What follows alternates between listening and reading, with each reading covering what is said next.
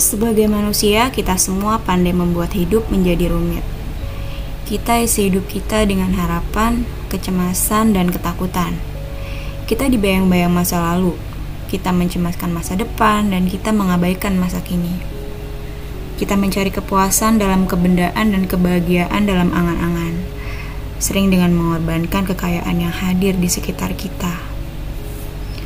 Hidup sederhana merupakan kumpulan perenungan pengamatan dan pemikiran yang dihimpun oleh Desi Anwar dari pengalamannya, kenangan masa kecilnya, pandangan hidupnya, serta kebiasaan yang dilakukannya dalam menyiasati kerumitan hidup sehari-hari.